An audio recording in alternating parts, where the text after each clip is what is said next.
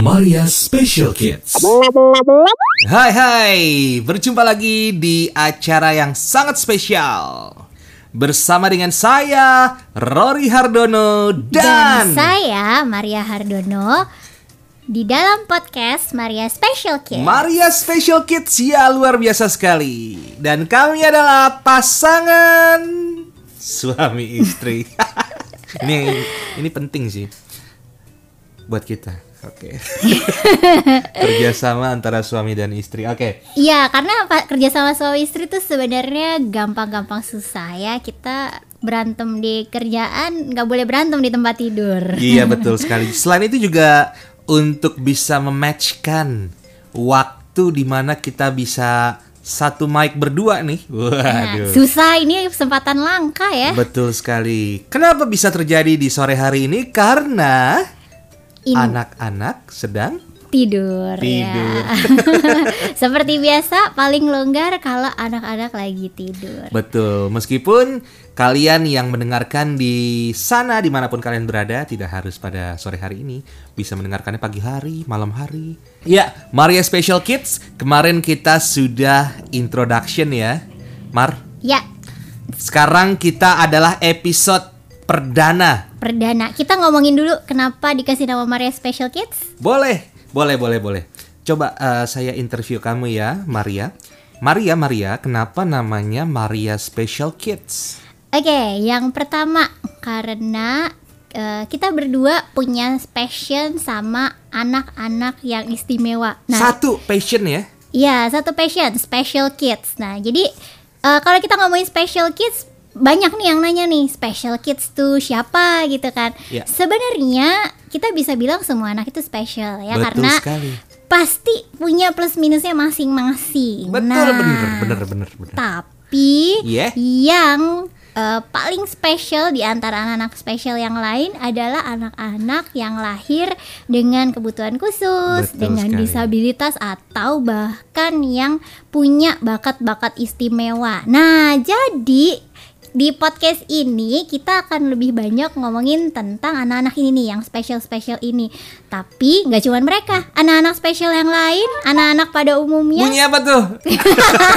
Dimatiin Oke. dulu Pak, dimatiin dulu. Iya, oke. Siap, siap, siap. Terus, terus. Oke, jadi anak-anak yang lain juga nanti akan tetap kita omongin gitu, Pak. Betul sekali Maria. Oke, dan episode kita yang pertama, pertam, pertam, per- perdana maksudnya, perdana yang edisi satu ini kita spesial memberikan judul Living with Disabilities. Wah, suara saya keren kan? Kalau nyanyi gitu. Living with Disabilities. Ya, Ngomong-ngomong nih ya, kalian yang di rumah yang mungkin belum tahu yang ada di depan saya ini ya, istri saya Maria Hardono tadi dia udah memperkenalkan dirinya. Dia juga orang yang spesial sekali. Spesial buat saya karena dia luar biasa diberikan Tuhan sebagai anugerah terindah yang mendampingi hidup saya yang Serius? tadinya agak-agak eh, hampa, asik Apa sih? sekarang jadi lebih berwarna. Di luar itu dia juga sangat spesial. Dia berkebutuhan khusus, tapi dia bisa sampai hari ini itu menurut saya sangat luar biasa. Dan ini adalah tema yang cocok untuk kita bicarakan. Living with disabilities. Siap ya? Siap dong. Oke. Kita masuk topik utama kita. Maria, ya. Ini banyak orang nih ya yang mungkin eh, belum banyak yang tahu. Banyak orang yang mungkin belum banyak yang tahu. Boros ya kalimatnya. banyak orang yang belum, Belum. tahu ya. Apa sih disability itu? Oke, Ini dis- pertanyaan general nih, umum banget nih ya. Oke, Ya, bentar. batu.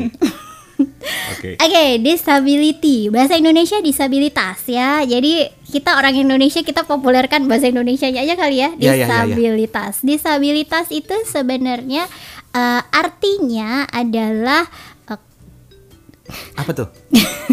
Artinya adalah artinya adalah eh, ketidakmampuan ya. Jadi eh, ada kata dis, ada kata abilitas. Itu sebenarnya terjemahannya nggak bagus ya. Kalau bahasa Inggris ada dis and eh, sama ability kan. Jadi Hmm. Eh, sebuah kemampuan yang nggak ada ya gitulah pokoknya. Hmm. Nah ini biasanya eh, dikasih ke orang-orang yang mereka punya kondisi fisik atau kondisi mental gitu ya yang eh, ada bagian-bagian yang nggak berfungsi gitu istilah gampangnya. Jadi misalnya kondisi fisik yang nggak ber- berfungsi itu contohnya misalnya kaki kita pakai buat jalan. Nah kakinya dia nggak bisa dipakai buat jalan. Oke. mata kita pakai buat lihat. Nah matanya dia nggak bisa dipakai buat ngelihat gitu.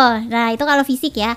Terus kalau misalkan di bagian otak itu misalnya nih eh, kita punya area otak yang gunanya untuk eh, mengartikan orang ngomong apa. Nah ada orang yang di bagian otak yang itu nggak bisa. Jadi dia nggak bisa mengartikan. Misalkan se- eh, kita lagi ngomong nih dia nggak paham kita ngomong apa. Terus ada yang misalnya kita punya bagian otak yang gunanya untuk mempertahankan fokus. Jadi kita bisa konsentrasi gitu ya.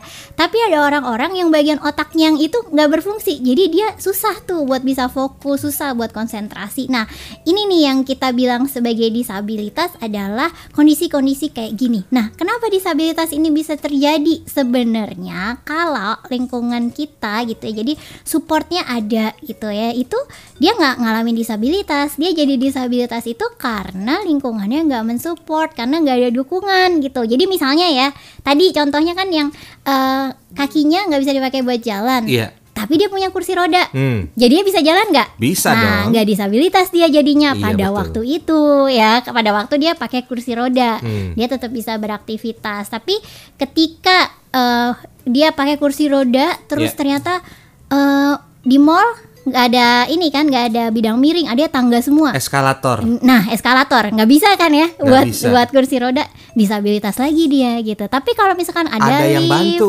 Ada yang bantu, ada Hmm. lift, ada bidang miring, dia bisa jalan sendiri dengan kursi roda, itu dia nggak disabilitas. Betul Ji. sekali.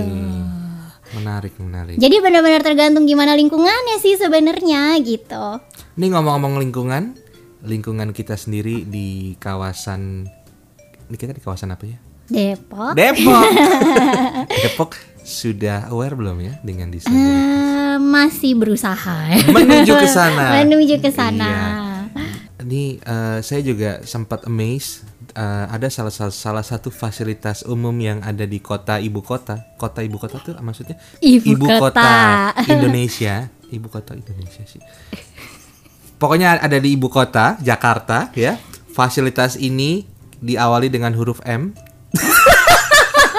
Dia mau ngajak main tebak-tebakan. MRT. Ya. MRT ini ya sudah menuju ke arah situ. Sudah banyak eh, peduli dengan teman-teman disabilitas ya. Ya itu keren banget loh. Jadi Ya. waktu pertama kali aku naik MRT kan deg-degan ya. Iya. Deg-degan. Coba ceritakan. Jadi pertama kali naik eh, ini kan diantar pakai ojek dulu kan. Iya. Ojek terus berhenti di stasiun karena nggak boleh nggak boleh masuk ke wilayah yang udah ditentukan sama petugasnya itu kan. Mm-mm. di stop dulu. Oke, terus sama petugasnya kamu menggunakan ini ya, eh, Maria. Senjata andalan kamu Iya. apa tuh namanya? Senjata lagi. Senjata andalan kayaknya jadi kebayangnya kayak pistol atau senapan gitu ya. Iya. Eh tapi itu senjata juga sih. Iya. Jadi eh, waktu itu langsung keluarin tongkat ya. Ini tong- alat bantunya Maria nih. Iya. Jadi kalau Maria ngeluarin tongkat itu bisa menghentikan tiga mobil, langsung berhenti. Karena yang ngeliat cuma tiga, kalau yang ngeliat sepuluh berhenti semua kayaknya. Iya. Oke, nah jadi langsung ngeluarin tongkat. Terus amazing loh, begitu ngeluarin tongkat langsung petugas pada datang semua. Wow. Petugas pada datang semua ya. Iya, Apa yang mereka lakukan? mereka langsung menawarkan bantuan. Jadi ini Oke. keren sih karena eh, kalau di tempat-tempat lain tuh belum tentu. Kayak misalkan eh, di terminal bus yang pada umumnya, apa misalkan lagi jalan di trotoar mana gitu, Iya. ya orang ngeliatin doang, gak ada yang bantuin Oke. juga gitu. Oke. Nah kalau di stasiun MRT ini luar biasa karena langsung ada gitu yang datang. Terus kamu digandeng. Ditanya dulu Oh, untuk nah ditanya. ini ini etikanya mereka udah tahu ternyata Oke, oke, gitu oke. ada orang-orang yang kayak langsung main gandeng aja gitu kan nggak enak ya langsung ah. digandeng soto Jadi, jadi dia bertanya gimana? Iya dia bertanya "E, bu perlu dibantu gitu e, mau mau ke mana gitu terus Oke. e, mau naik MRT jurusan mana terus ya udah terus dia nawarin untuk dituntun perlu dituntun enggak gitu eh tapi sayangnya mereka masih salah nuntunnya Masih salah iya ya. masih salah Harusnya mereka di Mereka harusnya kalau nuntun itu jadi yang nuntun eh yang dituntun pegang siku yang nuntun. Oke, gitu. pegang siku. Pegang siku yang nuntun. Jadi kalau dia kebalik, jadi dia yang pegang tangan aku. Lah kan jadi aku aku yang nuntun dia ya. Ntar kalau aku nyebur dia ikut nyebur kan. Aku cemburu dong. Iya makanya. Makanya aku komplain. Oke, oke nggak apa-apa. Ini demi kebaikan. Oke, ya begitulah. Terus begitu setelah udah sampai kan itu naik ke atas ya ceritanya ya kalau MRT ya. Mm-mm. Setelah sampai di atas apa yang terjadi? Setelah sampai di atas dioper ke petugas yang ada di petugas atas. berikutnya. Ah-ah. Nah Oke. kalau yang pertama nonton itu kan emang dia kayaknya tugas yang jaga di luar gitu kan. Hmm, Nah di atas dioper ke petugas yang ada di atas hmm, gitu. estafetnya di tongkatnya diberikan ke selanjutnya ya. Iya tapi bukan tongkat aku yang dikasih. Oke, oke. nah terus ya gitu eh, ditanya lagi mau jurusan mau ke arah mana, terus eh, dibantu untuk scanning tiketnya gitu kan. Oke. Terus udah dianterin, dianterin sampai ke eh, ini tempat Lainnya itu ya? Iya, lainnya itu apa sih namanya? Ya gerbangnya. Itu. pokoknya ada garisnya lah ya. Iya, itu garis yang pokoknya tempat tunggu kereta itulah. Hmm. Nah, udah gitu habis di situ terus pas keretanya datang dioper lagi ke petugas yang ada di dalam kereta. Petugas yang ada di dalam kereta. Oke. Nah, Dan itu udah pasti dapat duduk. Karena ada tulisan Iya, iya. khusus bener. disabilitas dan ibu hamil Iya. atau kamu yang sedang mengalami Enggak, ini, ini, ini ngarang nih ngarang. aku lagi bingung ngarangnya apa lagi. Oke. Ya gitu. Ya udah terus langsung deh pasti dapat duduk. Jadi sepenuh apa pun ya kalau lihat orang pakai tongkat itu pasti yang duduk di kursi disabilitas pun itu pasti akan berdiri sih. Oke. Jadi emang orang Indonesia tuh masih sangat-sangat peka sebenarnya sama lingkungan ya luar biasa ya. Mantap. Nah, udah tuh nanti petugas yang di dalam kereta nanya lagi, Bu mau berhenti di mana? Gitu. Nanti pas udah mendekati stasiunnya dikasih tahu Bu stasiun berikutnya ya yang Ibu tuju gitu. Terus siap-siap. Terus keretanya nyampe dioper lagi di petugas yang di stasiun berikutnya. Ya pokoknya kayak gitu. Dan itu selalu terjadi setiap kali naik MRT. Emang kamu naik MRT mau ke mana sih, Mar? Mau ngajar. Ke sebuah kampus Iya. swasta di sebelah Semanggi. Semua orang tahu langsung ya. Oke Oke. deh. Oke. Iya, iya, iya, iya, iya. Oke, saya menjadi tahu sekarang cerita selama ini ternyata seperti itu. Saya nggak cemburu kok, tenang aja. Oke. Kalau kamu cemburu aku nggak nyampe mana-mana. Pasti cuma disuruh di rumah cuci piring, ngepel, ngurusin anak. Dah yakin. Oke. Nah, jadi Mar, yang kita bahas di sini adalah seninya hidup berdampingan dengan disability. Disabilitas. Yes. Ternyata kalau kita menghadapinya dengan positif, ini akan menjadi keren. Iya. Kita akan selalu bertemu dengan orang-orang baru yang baik yang dikirim Tuhan untuk selalu membantu kita. Ya kan? Iya, betul. Kalau dari sayanya, ketika berhadapan langsung dengan teman-teman disabilitas, saya jadi punya banyak sekali hal-hal baru yang saya pelajarin. Dan saya juga belajar untuk lebih memahami bagaimana keadaan mereka dan bagaimana cara membantu mereka. Wih, keren Wih, ya. keren ya. Keren ya. Teorinya nih. Oke, tapi aplikasinya juga keren kok. Oke. Sip, selanjutnya. Ini mungkin tadi udah sempat disinggung sih di awal ya Mar ya. Jenis-jenis disabilitas itu ada apa aja sih? Kalau dari SD kita pasti udah udah sering banyak banget belajar ya. Kita selalu mengawalinya dengan tuna, netra, tuna, rungu, tuna apa dan sebagainya. Kalau kita apa eh, lagi jalan terus melewati se- sebuah sekolah luar biasa yang sekolah yang diperuntukkan untuk teman-teman yang mengalami disabilitas itu kita bi- bisa melihat di papannya itu ada tulisan SLB bagian A, B, C, D itu masing-masing itu pasti ada kodenya untuk apa tuh kira-kira seperti itu ini udah senyum-senyum aja nih udah mau berbicara seperti oke disabilitas itu apa sih jenisnya apa aja sih sebenarnya Sebenarnya banyak banget. Tapi kalau misalkan semua diceritain di sini panjang. Itu ya nggak cukup, nggak cukup Nggak satu cukup. episode ya. Oke. Ini akan banyak episode. Jadi tadi eh, pokoknya intinya pembagiannya ada di fisik, ada di mental, ada di jadi intinya disabilitas ini bisa di- dialami di dalam kondisi fisik seseorang, dalam kondisi berpikir seseorang gitu Oke. kemampuan berpikirnya, Mm-mm. ada yang eh, masalahnya di kemampuan psikologisnya gitu ya, kemampuan mengelola emosi Ada kayak suara gitu. motor tuh. Nah, Ya. terus nggak? nggak apa-apa. Ya Nah. jadi ada yang eh, ngalamin di masalah psikologis kesul- kesulitan mengontrol emosi gitu ya jadi pembagiannya sih kurang lebih seperti itu sih tapi variasinya nih banyak banget jadi kalau misalnya kita ngomong salah satu mungkin sering denger yang namanya autisme nah ini termasuk anak-anak dengan Autisme autisme termasuk ya. nah terus ADHD tuh ya. ADHD itu apaan tuh? Uh, attention deficit hyperactivity disorder ya pokoknya itu yang Oke, punya masalah oke. atensi dan uh, hyperactivity itu itu Oke. termasuk Ah, ah. terus anak-anak yang uh, Down syndrome ini kan juga umum ya Saya punya banyak teman Down syndrome mereka baik-baik loh.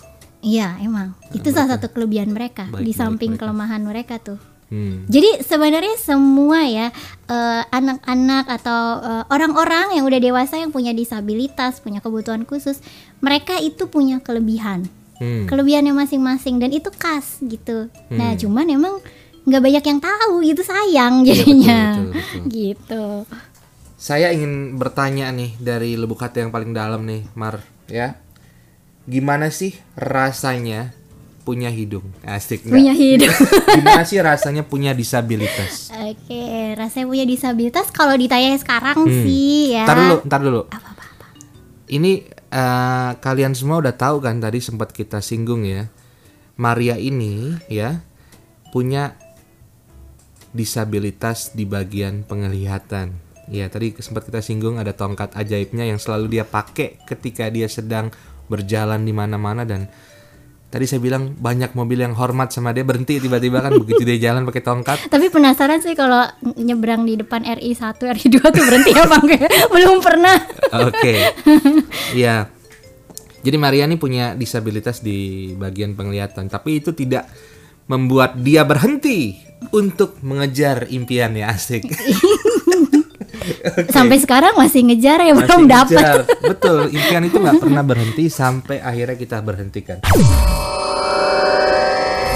Maria Special Kids. Oke. Gimana sih rasanya punya disabilitas? Sebenarnya seru sih kalau uh, kalau aku ditanya sekarang gimana rasanya aku happy. Happy banget punya disabilitas. Eh, kenapa itu? Apa yang membuat kamu selalu happy punya disabilitas? Ini kayaknya menarik nih. Pasti ada prosesnya nih.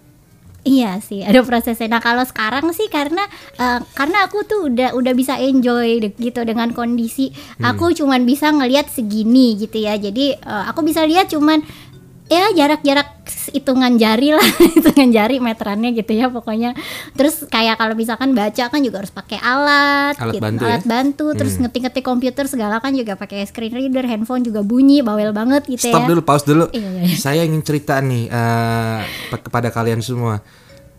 Salah satu yang membuat saya kaget sekaligus amazed dulu ya, Maria ini berhasil menyelesaikan pendidikan S2-nya sebagai seorang psikolog.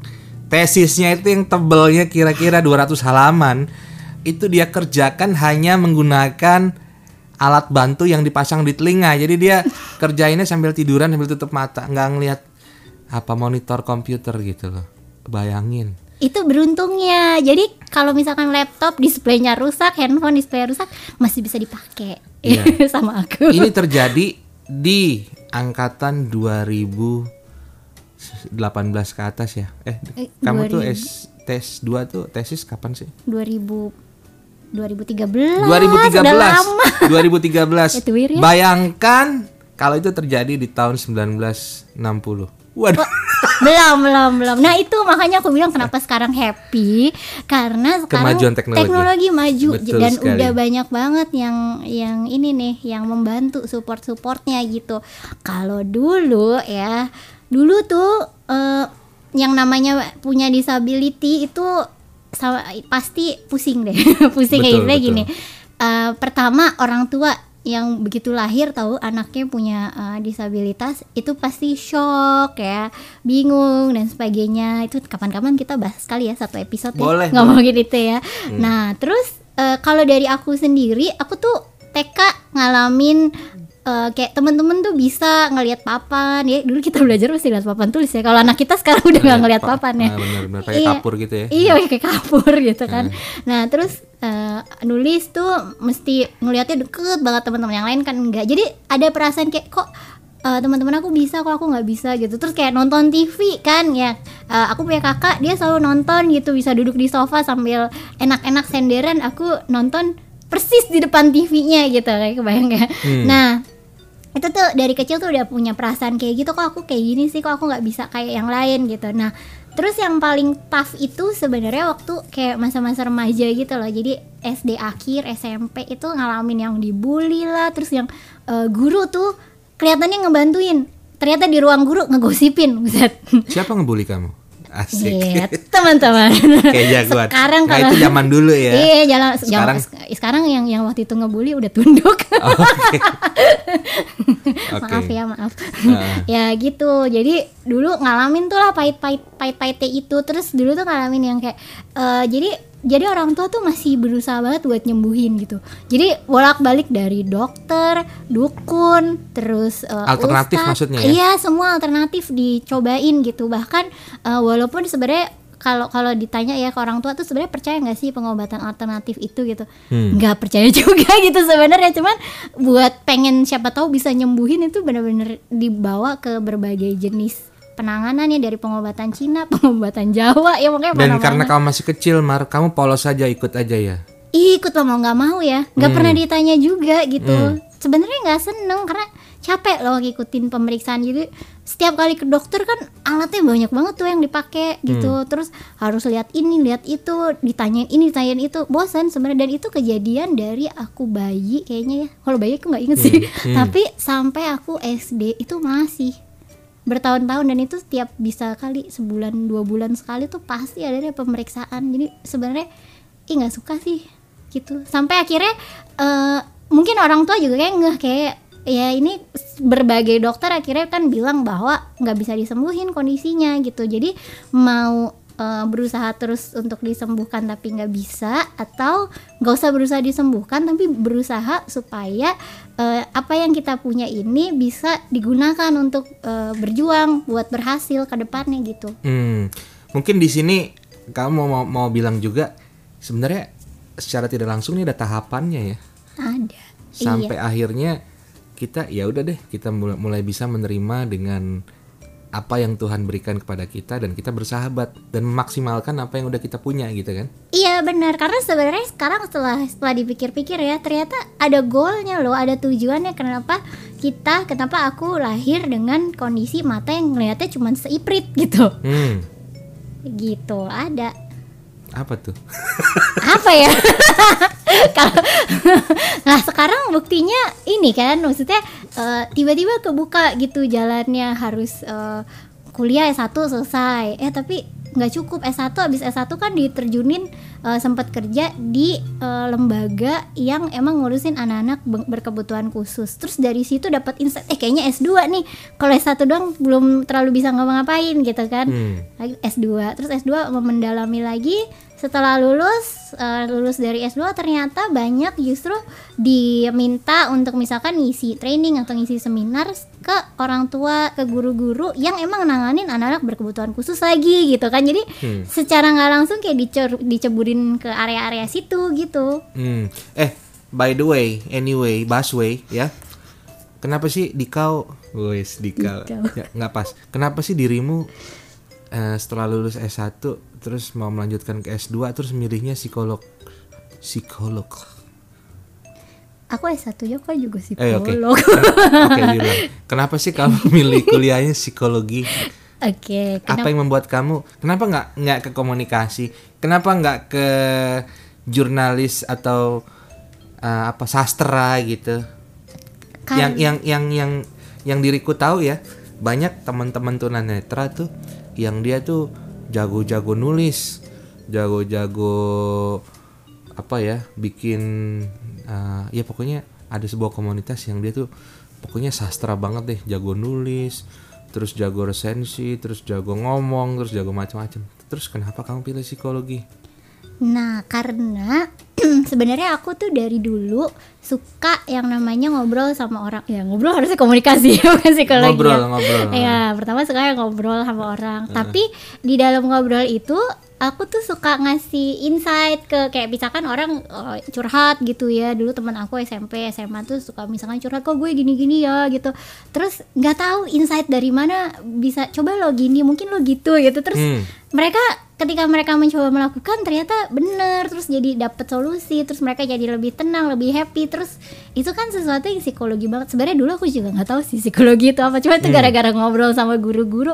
Aku sukanya kayak gini-gini nih bu jurusan apa ya gitu. Terus ternyata dia uh, mulai ngejelasin tentang psikologi. Dari situ sih baru aku tahu oh psikologi tuh kayak gitu.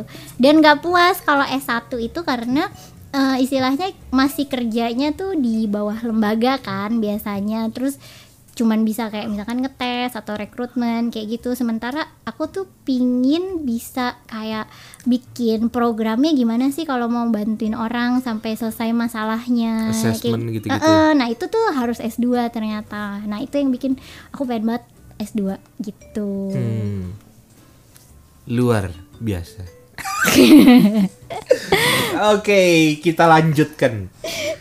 Kenapa sih seseorang bisa mengalami disabilitas? Gini, ini artinya disabilitas itu sebenarnya sangat memungkinkan terjadi kepada siapa pun kan sebetulnya. iya sebenarnya Ya, mungkin saya berbicara ya semoga nggak terjadi ya, jangan sampai lah saya berbicara seperti ini dan saya eh, kebetulan eh, bukan disabilitas tapi tiba-tiba dalam perjalanan saya ke mana saya keserempet sampai tiba-tiba saya mengalami eh, jadi tidak bisa berjalan lagi dan saya mengalami disabilitas. Tidak ada yang pernah tahu apa pun bisa terjadi kan. Kira-kira seperti itu. Kenapa sih seseorang bisa mengalami disabilitas, Mar? Oke, banyak sebenarnya. Bi- Disabilitas itu bisa terjadi dari sebelum lahir. Jadi misalnya pas ibunya lagi hamil itu mungkin ada eh, kelainan atau dia mengkonsumsi obat atau ada pola hidup yang gak sehat gitu. Atau bahkan sebelumnya lagi pas proses pembuahan itu memang ada misalkan mutasi gen gitu kelainan kromosom gitu. Sesuatu yang memang kita nggak bisa kontrol gitu. Nah terus bisa juga terjadi itu pas proses kelahirannya. Proses kelahirannya tuh misalnya pas lahir nggak langsung nangis bayinya. Atau misalnya eh, pas lahir ada penanganan yang kurang tepat gitu ya. Nah itu sehingga dia mengalami eh, disabilitasnya ketika proses kelahiran atau setelah lahir. Nah, setelah lahir tuh tadi yang kayak kamu kasih contoh tuh. Apa Jadi kecelakaan Hmm. kayak gitu misalkan terus eh, apa obat malpraktek malpraktek dia juga banyak loh. Banyak ya? Heeh, malpraktek terus eh, abis itu ada juga yang karena misalnya eh, ini apa sih istilahnya yang eh, kayak keracunan apa kena polusi itu apa istilahnya kayak Bengek. Bukan Bukan, apa? jadi jadi dia karena karena dia mengkonsumsi sesuatu gitu terus dia kena dampak negatif dari sesuatu yang dia konsumsi Oke, itu namanya apa saya istilahnya tahu tapi saya tidak tahu kan cara nge- ngeluarin dari mulutnya. Oke. ya makanya kayak gitu Ah. jadi eh, banyak yang bisa menyebabkan disabilitas dan itu benar sih tadi yang kamu bilang bahwa kita nggak pernah tahu gitu eh, kita yang sekarang baik-baik aja bisa aja suatu kali nanti mengalami disabilitas dan biasanya kalau udah lansia itu ngalamin juga sih akhirnya gitu ya kan kalau eh, udah lansia itu kan biasanya penglihatan menurun, udah susah jalan gitu ya. Terus ada juga penyakit-penyakit yang kayak diabetes segala itu kan juga bisa menyebabkan disabilitas sebenarnya. Hmm. Terus Mar, aku sebenarnya agak bosen kalau bertanya ini terus ke kamu. Tapi mereka belum tahu. kalau kamu sendiri, eh gimana sih eh, diagnosanya atau mengalami disabilitas itu tadi kan seperti singgung di penglihatan, tapi seperti apa sih ceritanya tuh gimana? Nah itu sebenarnya di- jadi kalau aku tuh di retina itu Nah ini di retina itu itu kan selalu kalau cerita di retina itu aku mikir Di Karena- retina ada Heeh. tanda tanya. Pro- Iya problemnya itu di retina tapi berobat ke beberapa dokter tuh lain-lain gitu ngomongnya ya. Hmm. Jadi eh, tapi yang paling banyak bilang itu kan dari sekian banyak dokter kan ada yang sependapat gitu ya. Itu mereka bilang katanya di retina tuh kayak ada pigmen-pigmen gitu loh. Jadi Pigmen tuh apa ya? Jadi kayak kamu pakai kacamata, tapi Hmm. kacamata kamu dicoret-coret gitu. Pakai nggak? Burem dong. Iya agak buram. Nah itu di retinanya gitu. Hmm. Dan itu katanya si si pigmen si titik-titik itu Mm-mm. itu bisa nambah nambah nambah sampai akhirnya kayak eh, tadi misalnya tadi kayak kacamata ya itu dari titik-titik terus kayak diarsir terus kayak diwarnain penuh gitu. Hmm. Kebayang nggak sih? Jadi tiba-tiba hitam gitu bisa nggak eh, bisa sampai di tahap nggak bisa ngelihat sama sekali gitu. Tapi itu kata eh, kata beberapa dokter sih kayak gitu. Nah, cuman sebabnya kenapa bisa ada pigmen-pigmen di mata itu? Gak tahu deh, penelitian belum ada penelitian yang bisa menyimpulkan. Sampai saat ini masih menjadi misteri. Masih, Asik. iya. Jadi kita menyimpulkan kehendak Tuhan aja, ya. Iya. daripada pusing. Betul sekali. Nah, eh, pembahasan tentang yang akhirnya mencari penyebab disa, disa, disabilitas itu nggak terlalu penting, bener ya? Iya, Kita harusnya lebih mementingkan bagaimana mencari sebuah conclusionnya. iya. Karena kita kalau eh, cari penyebab disabilitas itu bisa berantem gitu. Jadi kayak waktu itu ada satu dokter yang bilang ini kayaknya ada masalah genetik deh. Kalau mau diperiksa tes DNA aja anaknya, bapaknya sama ibunya nanti bisa ketahuan nih siapa yang bawa eh, gen disabilitas ini.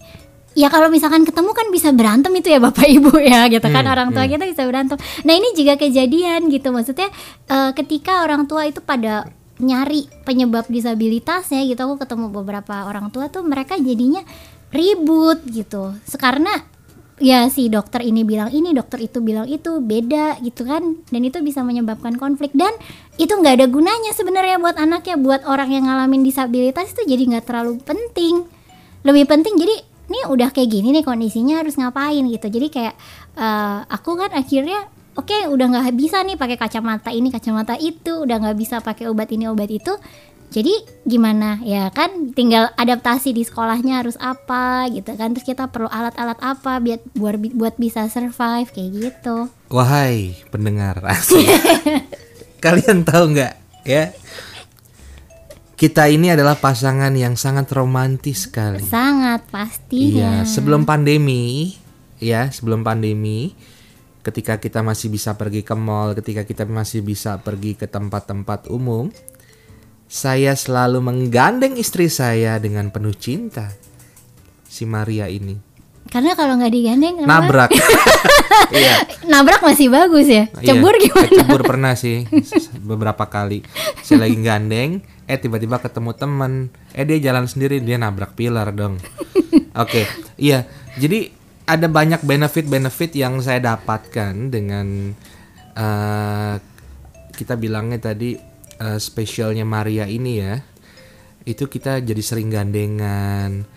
Terus kita jadi sering saya ja- jadi sering kalau Maria butuh apa-apa saya selalu melayani dengan penuh cinta. Tapi di luar itu semua ya, ternyata Maria juga diberikan kelebihan-kelebihan yang sangat luar biasa dari Tuhan. Saya selalu kagum dengan memorinya dia, daya ingatnya dia, dan keterampilannya dia dalam memanage sesuatu yang itu saya nggak punya. Jadi kita jadi saling melengkapi dan itu pada akhirnya turun ke anak-anak kita. Kita kebetulan dianugerahi Tuhan dua anak yang satu cantik yang satu ganteng ya, masih kecil. Dan anak-anak ini menjadi sangat pintar sekali ya, membantu Maria, membantu saya juga. Saya juga perlu, perlu dibantu ini. Oke, Maria. Sebenarnya saya mau nanya nih, sampai saat ini tantangan yang paling besar yang ada di dalam kehidupan kamu tuh apa sih? yang paling besar bingung sih kalau ditanya yang paling Ya besar udah yang Iya. sedang aja deh. soalnya sebenarnya tiap tahap itu ada tantangannya Betul sekali. Iya, jadi kalau waktu zaman sekolah tantangannya adalah gimana caranya bisa dapat nilai yang bagus padahal sebenarnya nggak bisa Oh ya ya. ini ini penting nih. Ini mungkin eh, kalian harus tahu ya bagaimana rasanya menjadi seorang Maria ketika ujian dan dikasih waktu 60 menit misalnya harus selesai sementara soal harus dibaca dan jawaban harus di tulis dan Di- dulu alat belum ada men betul Nah, mungkin harus diarsir ya kalau dulu ya kayak Iya, diwarnain hitam itu gitu ya yang dihitamin itu. Nah. Iya, dan belum punya alat dulu. Eh, emang belum terbit kayaknya ya. betul Jadi sekali dulu tuh ngalamin banget yang namanya eh, misalkan nilai matematika gitu, tiba-tiba dapet dua, wah keren. Gara-gara apa ternyata eh, salah baca soal. Jadi zaman dulu itu kan soal nggak kayak sekarang ya diketik, kita kan ditulis tangan sama gurunya gitu Iya. kan. Tulisan tangan ya gitu ya, ada guru yang bagus, ada yang enggak gitu. Jadi misalnya eh, ternyata 5 tambah 2 tapi kebacanya 2 tambah 2 jawaban salah dong ya pasti gitu Iya. jadi dulu sering banget kayak salah jawab karena salah baca gitu. Jadi nilai itu jelek jelek jelek semua sih. Semua hampir semua nilai itu jelek jelek pas zaman sekolah. Itu tantangan waktu SD tuh. Jadi benar-benar gimana caranya masih bisa ya paling enggak jangan jelek-jelek amat lah nilainya. Dan guru zaman dulu tuh nggak kayak sekarang. Sekarang tuh guru-guru lebih pengertian loh gitu. Kamu sekolah di sekolah umum ya waktu itu ya? Sekolah umum Oke. bukan di SLB pernah sih di SLB ntar satu episode lagi tuh sekolah tentang SLB Oke. iya nah aku mostly tuh di sekolah umum dan itu guru-guru itu yang bisa bisa memahami dan ngasih toleransi tuh hitungan jari jadi sebagian besar tuh masih pokoknya harus sama kayak anak-anak yang lain karena sekolahnya kan juga nggak melabel dirinya inklusi kan Iya. jadi itu challenge waktu sekolah.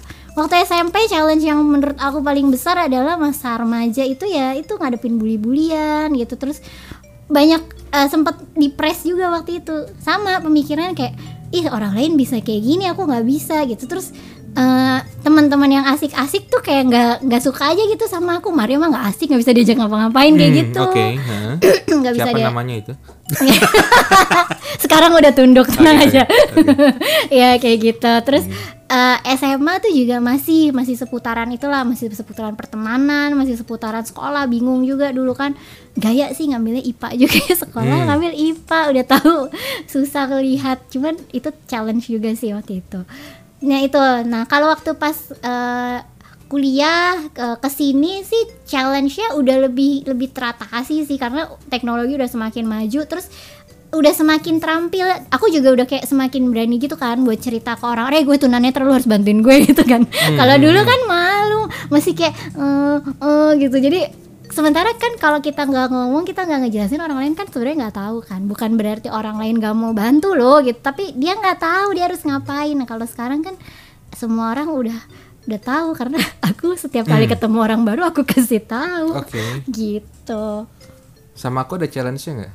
hmm ada sih Oke, nggak usah dibahas. Oke, Eh, Maria.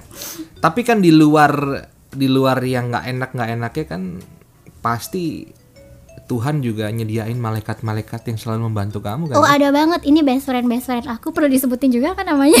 Ya. Jadi punya setiap level pendidikan tuh aku punya best friend tersendiri dan itu sampai sekarang masih lanjut gitu sampai sekarang tuh masih kontak masih temenan. Hmm. Gitu itu yang keren sih gitu. Jadi mereka keren karena mereka nggak ikut arus anak-anak yang lain itu itu Oke. luar biasa. Dan di antara guru-guru yang tadi aku cerita mereka nggak bisa nerima itu masih ada satu dua superhero itu tetap ad- ada tuh guru-guru yang bisa ngebelain aku yang benar-benar bisa membantu aku gitu dan kalau aku sih ngerasa yang benar-benar supportnya gede banget tuh di kampus waktu kuliah psikologi itu keren banget sih itu baru pertama kali aku masuk ke dalam lingkungan yang sangat welcome Oke. Ih sekarang aja ngajarnya di situ. Kalau nggak welcome nggak mungkin diminta ngajar di situ. iya iya. Oke. Eh, anyway, by the way, Basway. Pada waktu kamu kamu tadi sempat nyinggung kamu ngajar ya di sebuah kampus di kampus swasta di sebelah Semanggi itu ya. Oke. Kenapa ketawa? Oke. Ada nggak sih SOP yang harus kamu jelaskan dulu sebelum kamu memulai kegiatan perkuliahan atau mengajar ini supaya tidak terjadi miss-miss gitu kepada mahasiswamu? Ada.